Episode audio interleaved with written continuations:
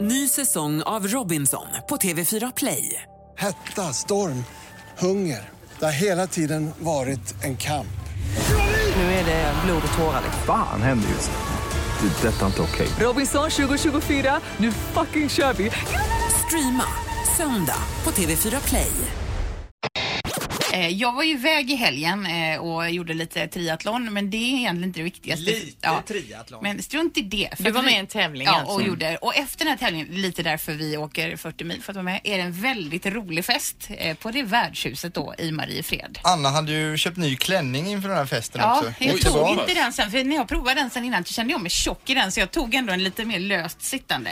Det är ju typiskt tjejer, för hade en kille köpt ny kostym, då tar man bara med sig den nya kostymen, sen tar man på sig den, så har man den och sen är det bra med Vi det. hade tre alternativ, man vet aldrig hur kroppen är. Nej, och sen kan det vara så att man tänker jag ska ha det här, det är liksom det jag har som mål. Och så får man på sig det så bara får man panik. Och man ska ju inte gå och ha panik hela kvällen, då blir det ju ingen rolig fest. Då får man byta om till det där lite mer lössläppta som man har. Ja, precis. Lössläppta, Ja, men det här som sitter lite lösare. Och en, en kompis som var med och tävlade med mig, hon sa så här, kan det inte vara att du har andats så mycket därför magen har blivit så pass rund då? Att jag som hade fastnat i något som spände ut sig så. Kan vara all energidryck också. Men bra ändå teori. Alltså, Ja, Det så där. den kör Jag, jag på jag det. träffade en kille i helgen som sa att han, hans mage hade fastnat i en utandning. Att Ja, den men det kan jag också vi trodde att det var.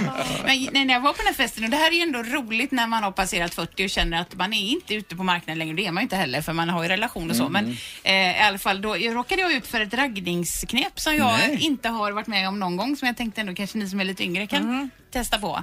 Eh, det var en kille som kom fram till mig, eh, en utav funktionärerna fick jag reda på sen. Så började han så här, trolla först lite med mitt öra och jag trodde att det var för mycket- Trolla med ditt öra. Nej, men han höll på vid mitt öra. Jag bara, det var mycket getingar där så jag tänkte, har jag något? Så jag bara började så här slå ifrån mig. Liksom, har jag något i örat? Nej, nej, sa han. Helt plötsligt stod han med i- mitt ena örhänge i sin hand. Och så säger han så här, du får det andra sen, hemma. Nej. Alltså att jag skulle få tillbaks det då, när jag kom hem. Så att jag skulle få båda. Var inte det jättekonstigt? Men vad var det Eh, för jo. läskigt? Ja, och då tog jag av mig mitt andra och då sa jag så här, du kan få båda till ditt altare, sa jag då. Va?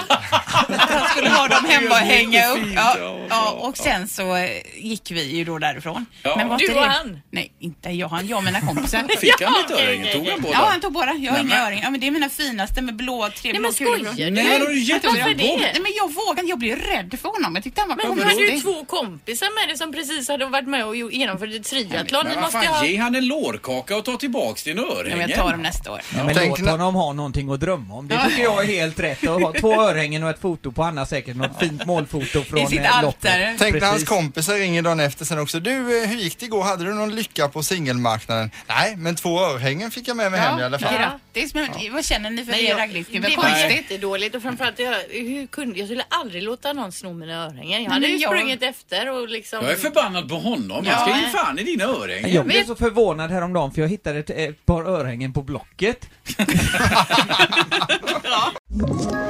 Ett poddtips från Podplay. I fallen jag aldrig glömmer djupdyker Hasse Aro i arbetet bakom några av Sveriges mest uppseendeväckande brottsutredningar. går vi in med hemlig telefonavlyssning och, och då upplever vi att vi får en total förändring av hans beteende. Vad är det som händer nu? Vem är det som läcker? Och så säger han att jag är kriminell, jag har varit kriminell i hela mitt liv men att mörda ett barn, där går min gräns. Nya säsongen av Fallen jag aldrig glömmer på Podplay.